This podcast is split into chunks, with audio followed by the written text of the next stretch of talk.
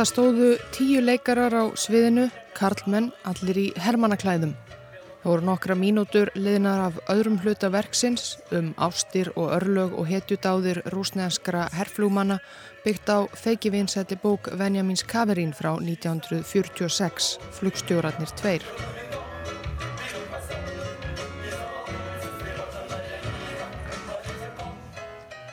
Þetta var sumuleiðis vinsælt verk. Nord-Ost markaðsett sem fyrsti al-rúsneski söngleikurinn fyrir frumsýninguna ári áður 2001. Fyrirmyndin stórfrægar vestrænar stórupfæslur eins og Le Miserable og önnur Broadway sjónarspill og þrátt fyrir að margir í rúsnesku leikúselitunni rækju upp nefið yfir því sem þeim fannst vera mesti populismi hafði Nord-Ost verið leikið og sungið fyrir nær fullu húsi í Moskvu allt árið. Það var fullt hús þetta kvöld 23. oktober 2002 um 900 manns í Dúbrovka leikúsinu. Það var í útjæðri borgarinnar um fjóra kílometra suðvestur frá Kreml og miðborginni gammal versmiðusalur sem hafi verið breytt í leikús sérstaklega fyrir þessa síningu. Vegna þess að svo margir leikarar í síningunni klættust herrklæðum tók það kannski áhörvendur nokkra stund að átta sig á því að eitthvað óvenjulegt væri á seiði þegar skotljóð hvað við í salnum. Og þegar, augnabliki síðar, annar maður í herrklæðum byrtist á sviðinu en þessi var reyndar með kalasníkoff, riffil í höndunum og grímuklættur og leikararnir á sviðinu voru fljótir að átta sig á að hann var ekki einn af þeim.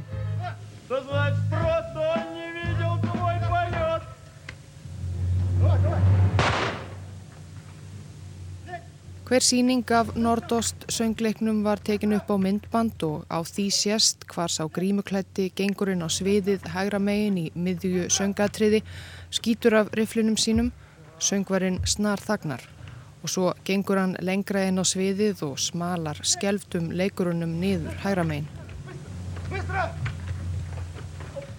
En voru margir áhörvendur á því að þetta væri hluti verksins, eitthvað alveg nýstárlegt eins og þeim hafi verið lofað. Einn áhörvendana myndist síðar í viðtali fyrir heimildarmynd Discovery.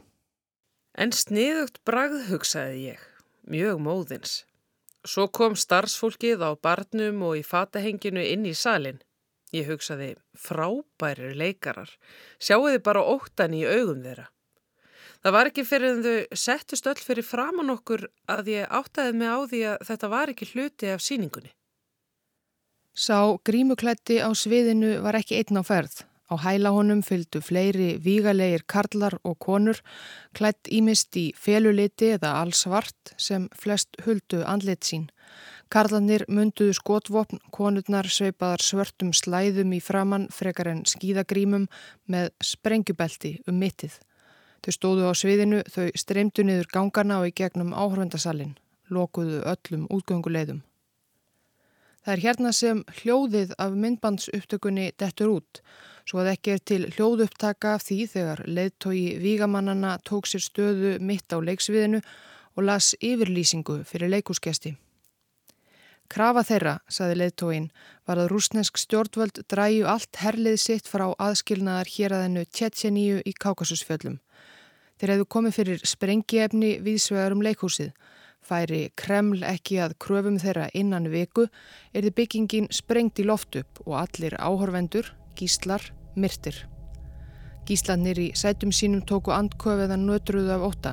Það sem þeir vissu ekki þá var að það var kvorki sprengiefnið nýja Kalasnikov rifladnir sem þeir þurftu helst að ótast.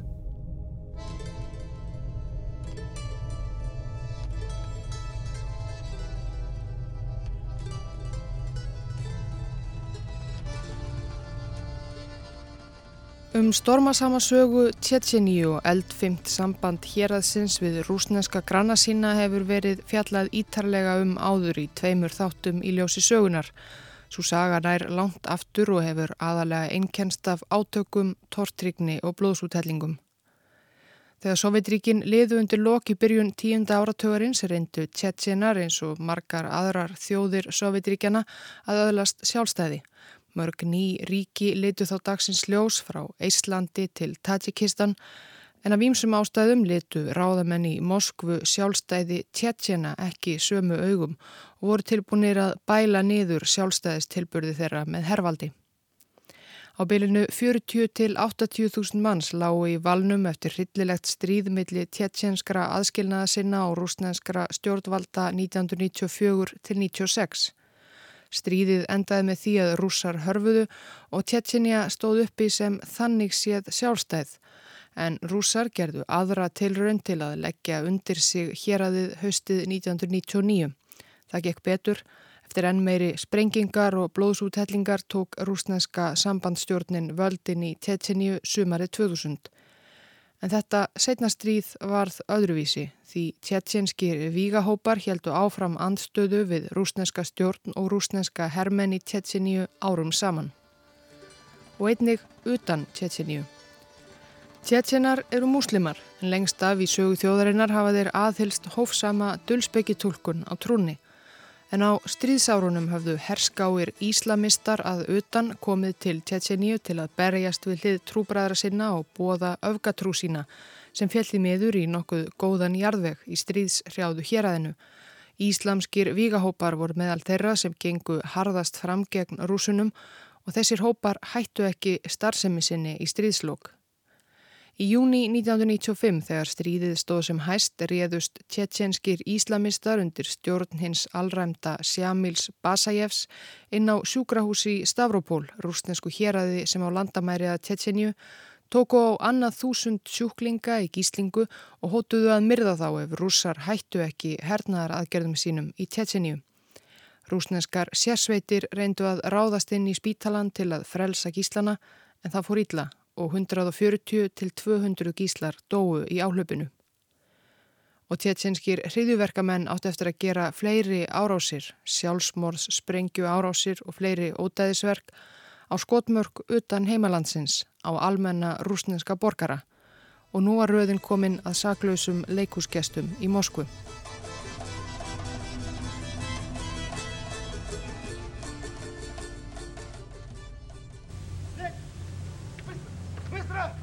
Sá sem tók sér stöðu á sviðinu í Dúbrovka leikúsinu örfáar mínútur yfir nýju kvöldið 23. oktober 2002 var ekki með lambúsettu fyrir andlitinu, bara prjónahúfu á höfðinu.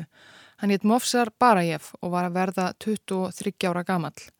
Hann var 12 ára þegar Sovjetríkin fjallu og hafði mestan part æfinar barist gegn rúsnenskum yfiráðum, fjölskylda hans sömu leiðis. Frænka hans hafði sprengt sig og tvo rúsneska hermenn í loft upp. Frændi hans hafði leitt íslamska skæruleðasveit til dauðadags í skotbardaga við rúsa í júni 2001 og svo framvegis. Og nú var rauðin komin að honum. Mofsar Barajev leiti sveit um 40 vígamanna. Þeir kölluðu sig sjálfsmorðsveit 2009. deldarinnar. Meðal þeirra voru átjón konur með sprengjubelt um sig Konur sem höfðu mist eiginmenn sína eða aðra ástvinni í stríðinu. Konur í hemdarhug.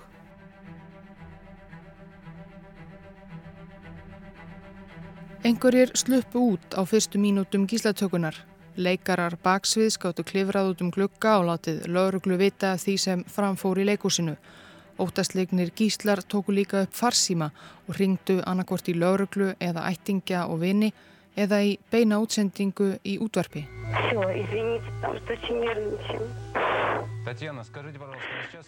Afsakið, ég skelva hæðslu.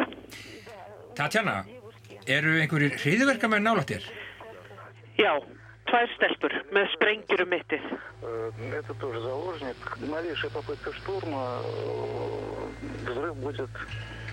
Halló, þetta er einn af gíslunum. Ef einhver reynir að ráðast inn í bygginguna ætlaður að sprengja okkur strax í loftu upp. Einu möguleikin að við sleppum levandi er að ríkistjórnin drægi herliðið frá Tjetjeníu og fari að semja. Í um fjögura kilometra fjarlægð í miðborg Moskvu í sjálfri Kreml satt fórseti Rúslands Vladimir Putin.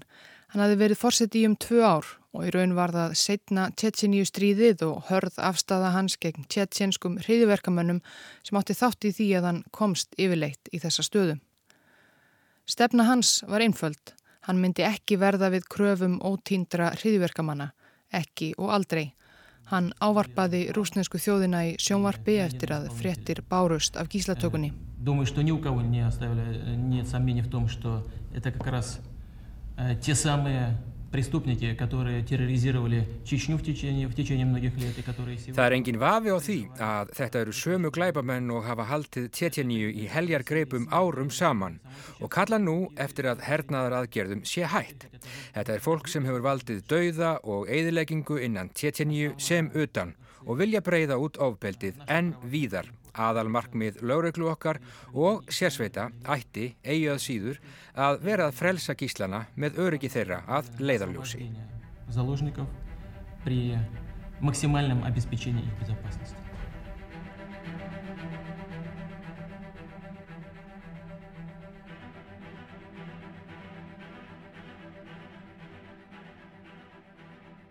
Lauruglumenn, sérsveitarmenn og herrmenn þar að auki tóku sér stöðu fyrir utan leikúsið, það og nærlíkjandi götur voru girtar af. En enginn aðhafði sneitt. Á fyrstu klukkutímunum leifiðu gíslatökumennir um 150 til 200 gíslum að fara út. Það voru útlendingar sem gáttu sínt erlend vegabref, muslimar, börnundir, 12 ára aldri, óléttar konur, fólk með einhvers konar brín heilsufarsvandamál. En eftir voru engu að síður nokkur hundruð gíslar sem sátu aðgerðalöysir í sætum sínum í áhörvendasalnum. Einn af gíslatökumönunum var með myndbandsupptökuvél og tóku upp. Það heyrist ekki mikið, gíslarnir virðast stjarfir af undrun eða hræðslu. Nokkrir gíslatökumenn ganga um golf á leiksviðinu. Slæðuklættu konurnar standa eða setja og horfa tortrygnar í kringum sig með fingur á sprengirófunum. Það fór ekki á milli mála. Ef einhver gísl reyndi eitthvað myndu þær sprengja sér í loft upp og taka þau öll með sér. Það sem við óttumst mest var að lauruglar myndi ráðast inn í leikúsið. Ef hún gerði það þá vissu við að við myndum öll deyja.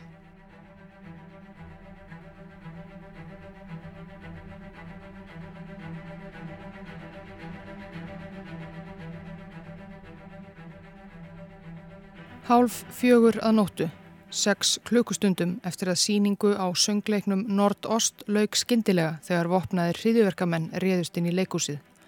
Lögregla og herr umkringdi leikúsið og frétta og bladamenn sömu leiðis. Einn fréttamyndavilin náði myndum af svartklætri konu sem nálgæðist leikúsið. Engin vissi þá hver þetta væri eða hvernig hún komst í gegnum viðgýrðingar og vegatálma lögreglu.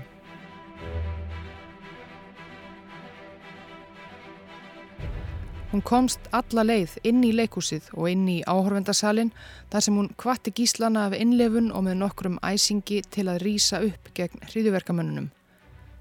Hver var þessi kona? Gísladnir voru forviða. Gíslatökumennir töldu að hún væri njóstnari frá rúsnensku leinilöruglunni FSB. Ekki sérlega laumulegur njóstnari þá, en unga konan var svo leitt út úr áhörvendasalnum og snarlega skotin til bana. Síðar kom í ljós að hún var alls engin njósnari, heldur bara Olga Romanova, 26 ára búðarkona.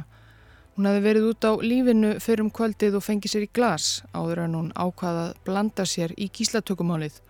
Kunningir hennar sögðu fjölmiðurum síðar að líklega hefði hún í ölfunar ástandi sínu vilja bjarga mannslífum en fórnaði svo bara sínu eigin.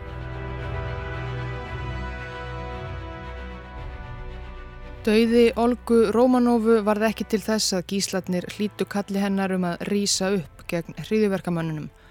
En eftir að hún var skotinn til bana varð öllum ljóst, bæði gíslunum inni í leikúsinu og yfirvöldum utan þess sem heyrðu skotkvallina, að tjetjensku gíslatökumennir voru ekki að leika sér. Þeir voru færir um að standa við orðsín, um að drepa.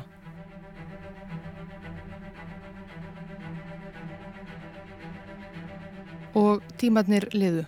Miðugudagskvöld var það 50. mótni.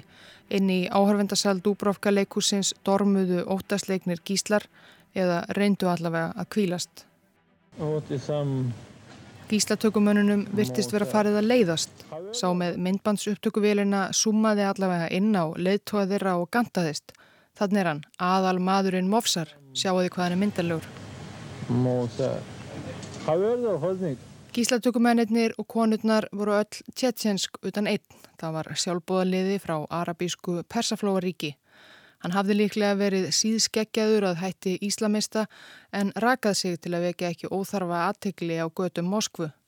Myndatökumæðurinn Gamansami harmaði það.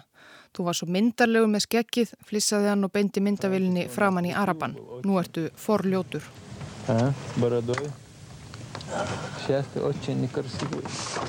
Fyrir utan leikhúsið fjölgaði sífælt í hópi her og lörglumanna, skreitrekar lokuðu öllum götum að byggingunni.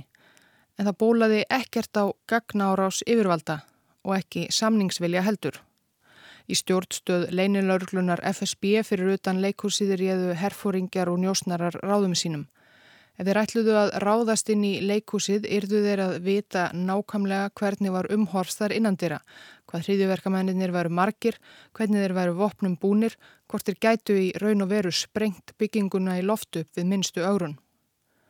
Aðfara nótt föstudagsins, þegar meira en sólarhingur var liðin frá gíslatökunni, komst breskur bladamaður í samband við Mofsar Barajev og með hendurnar upp í loft gekk hann svo varkárum skrefum inn í leikúsið til viðtals við leittóan.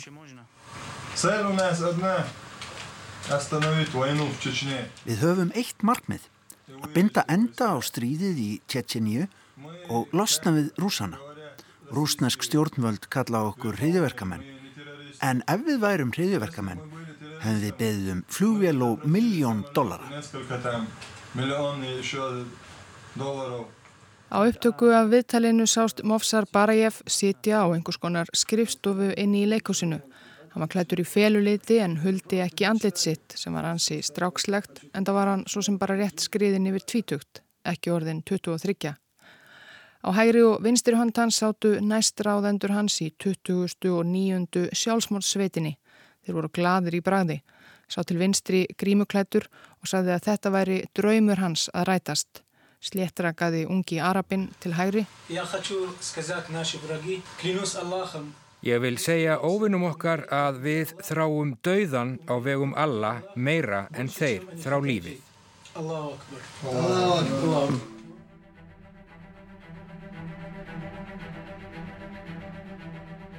Á öðrum degi gíslatökunar fór ástandið inni í leikúsinu að verða slæmt. Gíslatnir máttu varla hreyfa sig úr sætum sínum án leifis svartklættu kvennana með sprengjubeltin. Þeir fengu drikki og sætindi af leikúsbarnum en máttu ekki yfirgefa áhorvendasalinn til að fara á klósettið. Svo hljómsettargrifjan var nótuð sem klósett fyrir alla mörg hundruð gíslana. Það voru fljótt að lykta ítla í salnum. Gíslar myndust síðar í viðtölum. Niðri í grifjunni var það konur til hægri, karlar til vinstri. Fníkurinn var svo mikill að svitin draup af andlitum gíslana í fremsturöð. Fólk slefti því að drekka svo þau þyrti ekki að fara þarna niður. Þetta var hræðileg tilfinning. Að bretta upp á buksutnar svo maður erði ekki votur í fæturna. Öll grifjan var á floti.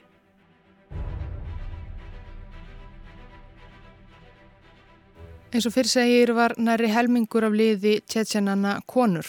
Þetta voru konur sem höfðu mist eiginmenn sína eða aðra ástvinni í stríðunum við rúsa, konur í hemdarhug sem höfðu engu að tapa, svo kallar svartar ekkjur. Þar fylgdu þó skipunum Karlkins gíslatökumanna og virtust mörgum gíslunum sem síðar lístur einslu sinni í viðtölum í fjölmjölum, virtust hálpartin vera upp á náð Karlkins félaga sinna komnar, rétt eins og þeir sjálfur gísladnir.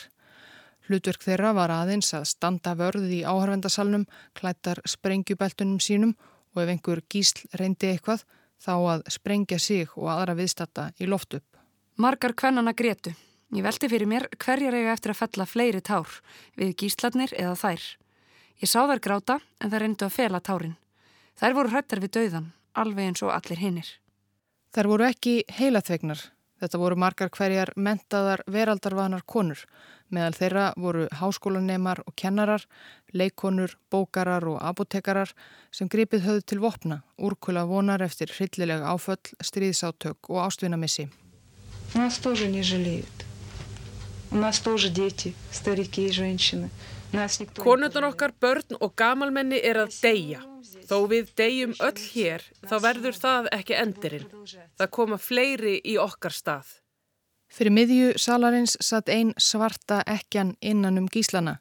Í næsta sæti á hennar vinstri hönd var svo stór sprengja, miklu stærri en þær sem stöllur hennar hafðu reyrðarum mittið á starfið væna ruslatunnu. Þetta var stóra sprengjan. Ef eitthvað gerðist í áhöröndasalnum myndi svarta ekjan við hlið stóru sprengunar íta á takka og sprengja hana og hún var nógu öflug til að allar hinar sprengjuhleðslutnar viðsvegar um leikúsbygginguna myndu springa með henni og svo svörtu ekkjurnar með sprengjubeltin sín og svo myndi þakkið hrinni af leikúsinu og allt fólki þar inni umsöfalust láta lífið.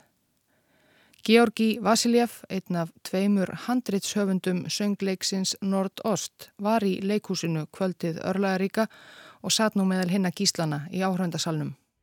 Ég ákvaða að reyna að færa mig nær stóru sprengjunni og kynnast konunni með sprengjurofan. Hver veit, kannski á síðustu stundu geti ég ítt höndum hennar frá eða rifið í sundur víra.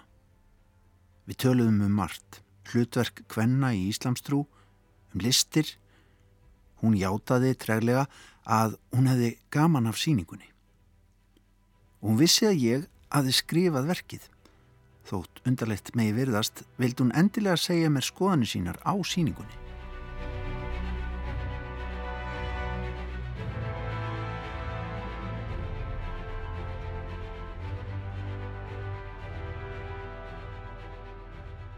Andrumsloftið í leikúsinu varð æg ömurlegra. Á þessu stígi málsins eftir tvo sólarhinga í haldi voru margir gíslana ornir úrkula vonar, farnir að sætta sig við að þeir væru að lifa sínar síðustu stundir.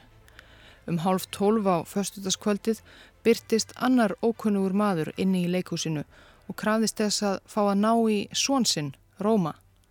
Gíslatökumennir leittu hann inn í áhörvendasalinn og kölluðu eftir Róma. Engin ansaði. Svonurðinn verðist ekki vera hér, sögðu gíslatökumennir þá og skutu aðkomumannin til bana. Annað undarlegt atvik sem ekki hefur fengist fyllilega útskýrt eins og svo margt í þessari sögu.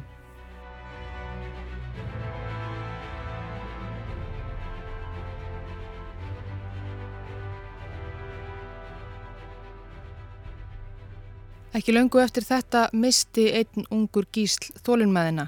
Hann reys upp úr sæti sínu og stökk fram í áttað stóru sprengjunni í miðjum salnum. Samfangar hans tóku andköf. Ef sprengjan springi væri runnin upp þeirra hinsta stund. En áður en örvendingafullim ungi maðurinn komst alla leið að drapstólinu í miðjum salnum dróið gíslatökumannana upp bissu sína og skaut nokkrum skotum. Þau hefðu ekki þann örvendingarfulla sem var síðan dreyin út og sást ekki meir en annar gísl fekk skoti í höfuðið og kona skot í magan. Þau slösuðust bæði alvarlega og mistu mikið blóð. Gísladnir kvöttu hriðiverkamennina til að kalla til lækni. Þeir træðuðust við. Það leið meira en klukkustund þar til þeir leifðuloks starfsmunum Rauðakrossins að koma og sækja þau slösuðu. Þá var maðurinn sem var skotin í höfuðiði látin en konan var flutt á sjúkrahús og bjargaðist.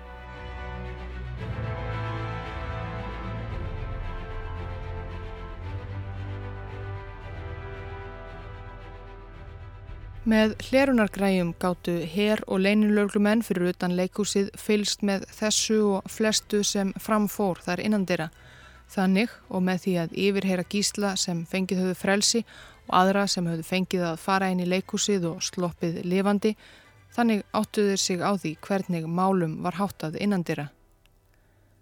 Að við minnstu röskun getu konurnar með sprengjubeltin sprengt sig í loft upp og sprengt stóru sprengjuna í miðjum salnum og sömuleiðis sprengjuhlæðslur sem hriðuverkamennir höfðu komið fyrir á strategískum stöðum um leikusbygginguna við veggi og burðarstólpa. Við minnstu röskun geti byggingin því verið sprengt í loft upp, hrunið til gruna með manni og mús. Það var út úr myndinni að herin rittist þarna inn með bissur og lofti. Þá geti allt sprungið samstundis. Það varð að finna aðra leið og það eins fljótt og hægt væri því allt benti til þess að andrumsloftið inn í leikúsinu veri að verða óbærilegt, gíslatökumennir stressaðir og ódreiknanleir. Ímsar tilraunir til að semja eða miðla málum báru ekki árangur. Þá fætist hugmynd. Ef það væri hægt að dæla einhvers konar gasi inn í leikúsið sem myndi svæfa alla þar innandira eða gera þá meðvitundarlösa, bæði gísla og gíslatökumenn, Þá getu öryggisveitir svo farið inn, aftengt sprengjur og afvopnað hriðiverkamenn. Það eina sem þyrsti að tryggja var að gasið myndi ekki vekja eftirtækt hriðiverkamannana, ekki fyrir en það væri um seinan.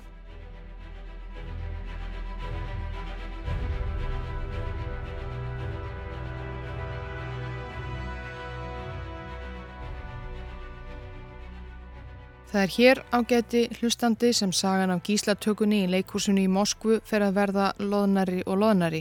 Því að meira en áratögu eftir þessa atbyrði vitum við enn ekki fyrir vissu nákvæmlega hvaða efni það var sem rúsnesk yfirvöld ákvaðu að dæla inn í leikúsið.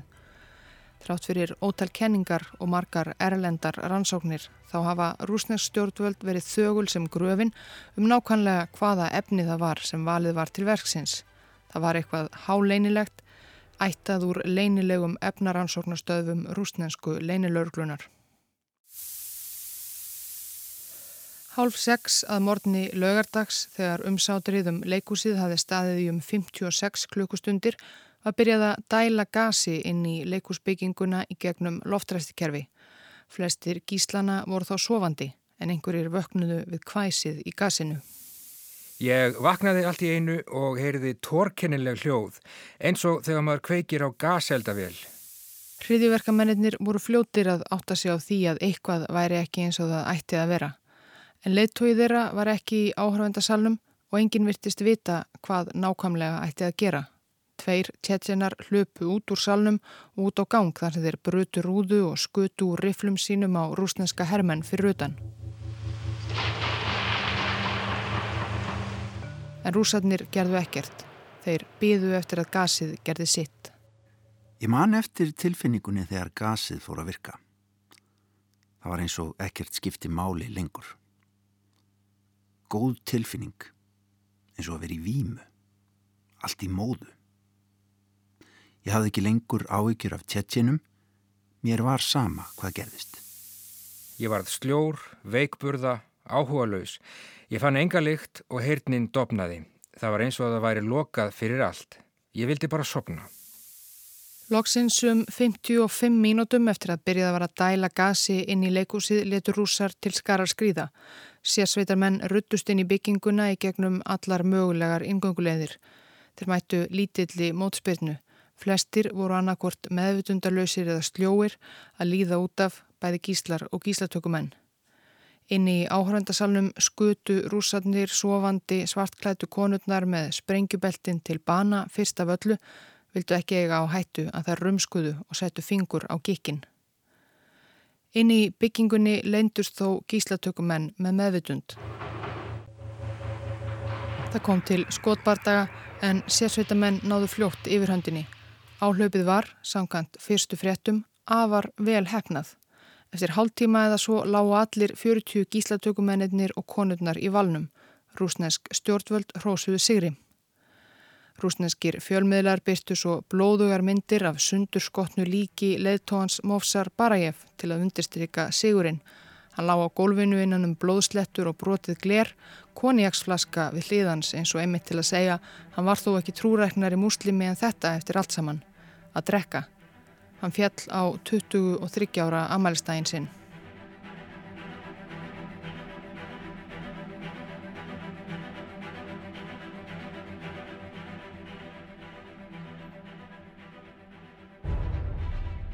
Fyrstu mínúturnar eftir að skotin hættu að óma um leikúsið komu sérsveitarmenn og fóringjar fram í fjölmjölum og reyktu sér af velhefnaðri aðgerð.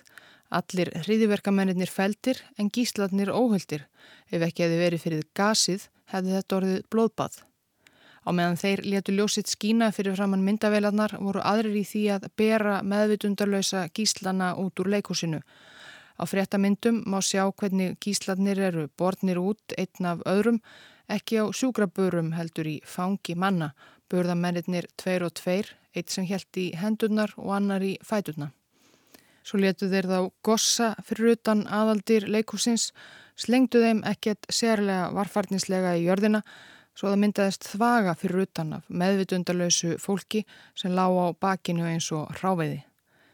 Þetta er í stuttumáli sagt ekki alveg besta leiðin til að meðhöndla meðvitundalöst fólk. Hættan er að þau meðvitundalösu sem slengt er hugsunarlaust á jörðina á bakið á þess að hugsað sér um stöðu, höfuðs og háls, kapni á eigin tungu eða eigin ælu. Það urðu sorgleg örlög all nokkur að gísla fyrir utan Dúbrófka leikúsið þennan nabra lögadagsmorgun. Þetta var sent í oktober, það var kallt úti og slitta.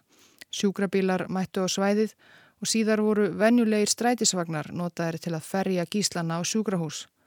Sjúkraflutningamennir og svo starfsfólkið á venjulegum sjúkrahúsum Moskvuborgar voru ánefa ágætlega undir það búin að meðhöndla skottsárið að önnur meðsli en kannski ekki alveg heilan hóp af meðvitundalösu fólki sem hafði andað að sér einhverji gastegund, gastegund sem engin vissi nákvæmlega hver væri, hvaða áhrif hefði nákvæmlega og hvernig væri best að meðhöndla því það var enn há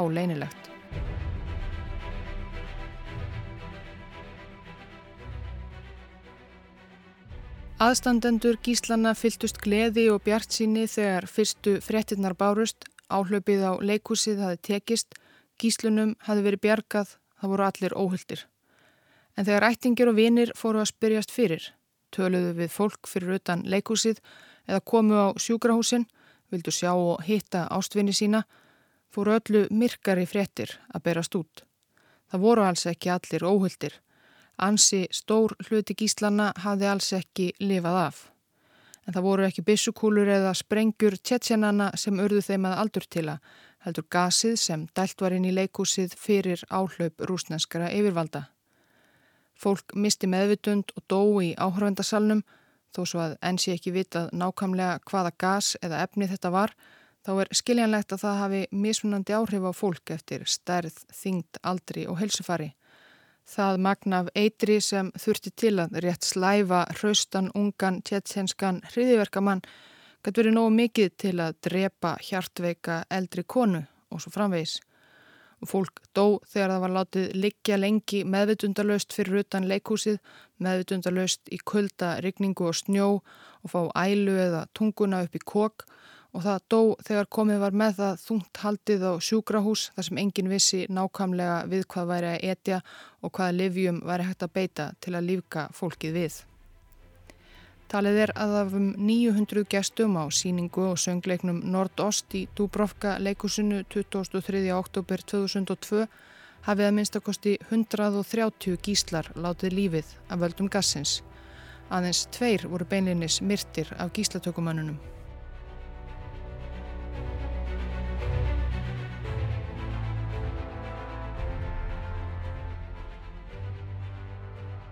Á síðustu árum hafa yfirvöld í öðrum löndum, í Þýskalandi, Breitlandi og svo framvegis reyndað komast að því með rannsóknum og greiningum hvers konar gas það var einlega sem rúsar dældu yfir gíslana í leikúsinu í Moskvu. Líklega stykir nú að það hafi innihaldið efnið fentanil. Það er skilt ópjum og getur verið mörg hundruð sinnum öflugra en morfín. Til er mótefni sem vinnur á áhrifum fentanils en til þess að það hefði haft nokkur áhrif hefðu gísladnir þurft að fá efnið strax eftir að þeir önduðu gasinu að sér. Því var ekki að skipta. Í stað þess byðu margir klukkustundum saman eftir læknisaðstóð og læknarnir vissu jú lítið við hvað þeir ættu að etja.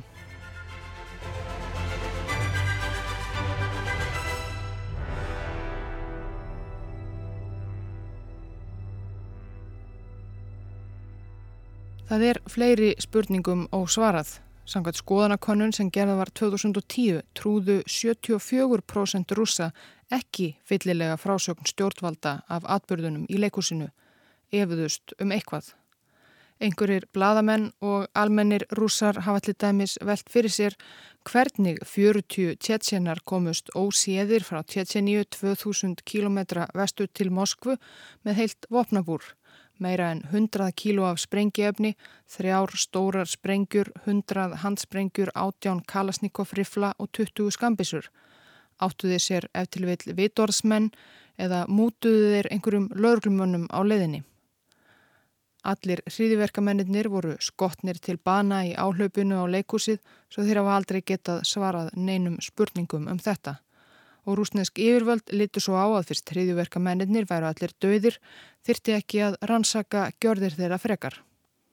Aðgerðir yfirvalda hafa heldur aldrei verið rannsakaðar. Engin hefur þurft að svara fyrir dauða gíslana 130. Tilraunir stakra þingmanna til að efna til rannsóknar hafa allar verið feldar af stjórnarflokki Pútins. 2003 reyndi hópur aðstandenda gísla að kæra rúsnesk stjórnvöld og kraðist óháðrar rannsóknar. Mál þeirra var felt fyrir domstóli í Moskvu.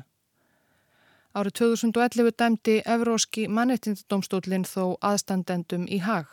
Rúsnesk stjórnvöld bæru ábyrð á dauða gíslana og erðu að borga 64 aðstandendum samtalsum 180 miljónir íslenskra króna í skadabætur. Sjamil Basajev, einn allræmdasti skærulega leittógin í stríðinu í Tjetsinju, sem jáframt stóð fyrir gíslatöku á sjúkrahúsi í Stavropol 1995 sem vísa var til í upphafi þáttarins, listi því síðar yfir að hann hafi fyrirskipað gíslatökuna í leikúsinu í Moskvu. Einhverjir spáðu því að eftir mannfallið í leikúsinu myndu vinseldir fórsetans Vladimirs Putins sem hafi þá verið í ennbætti um tvö ár dvína en svo fór ekki.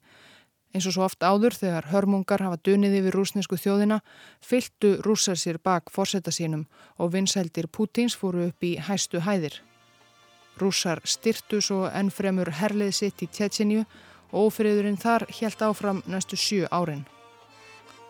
Tveimur árum eftir þessa atbyrði, 2004, tóku menn Sjámils Basajevs meira en þúsund manns í gíslingu á fyrsta skóladegi haustsins í skóla í Beslan í rúsneska sjálfstjórnarliðveldinu Norður Ossetíu, mestmægnis börn. Aftur endaði gíslatakan með harmleik sem hefði kannski mátt komast hjá. 385 gíslar fjallu þegar rúsneskar örgisveitir réðuslóks inn í skólabygginguna með skriðdregum og þungavopnum. Líkt og með gíslatökuna í Moskvu 2002 er það enn spurningum ósvarað og kannski ekki útlitt fyrir að sör við þeim fáist í bráð.